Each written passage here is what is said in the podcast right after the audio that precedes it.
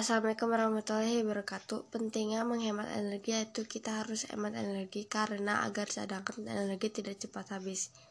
Pemakaian yang boros juga tidak bisa membuat cadangan energi cepat habis.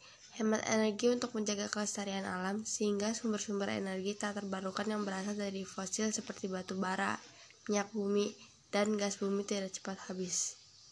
Sekian. Wassalamualaikum warahmatullahi wabarakatuh.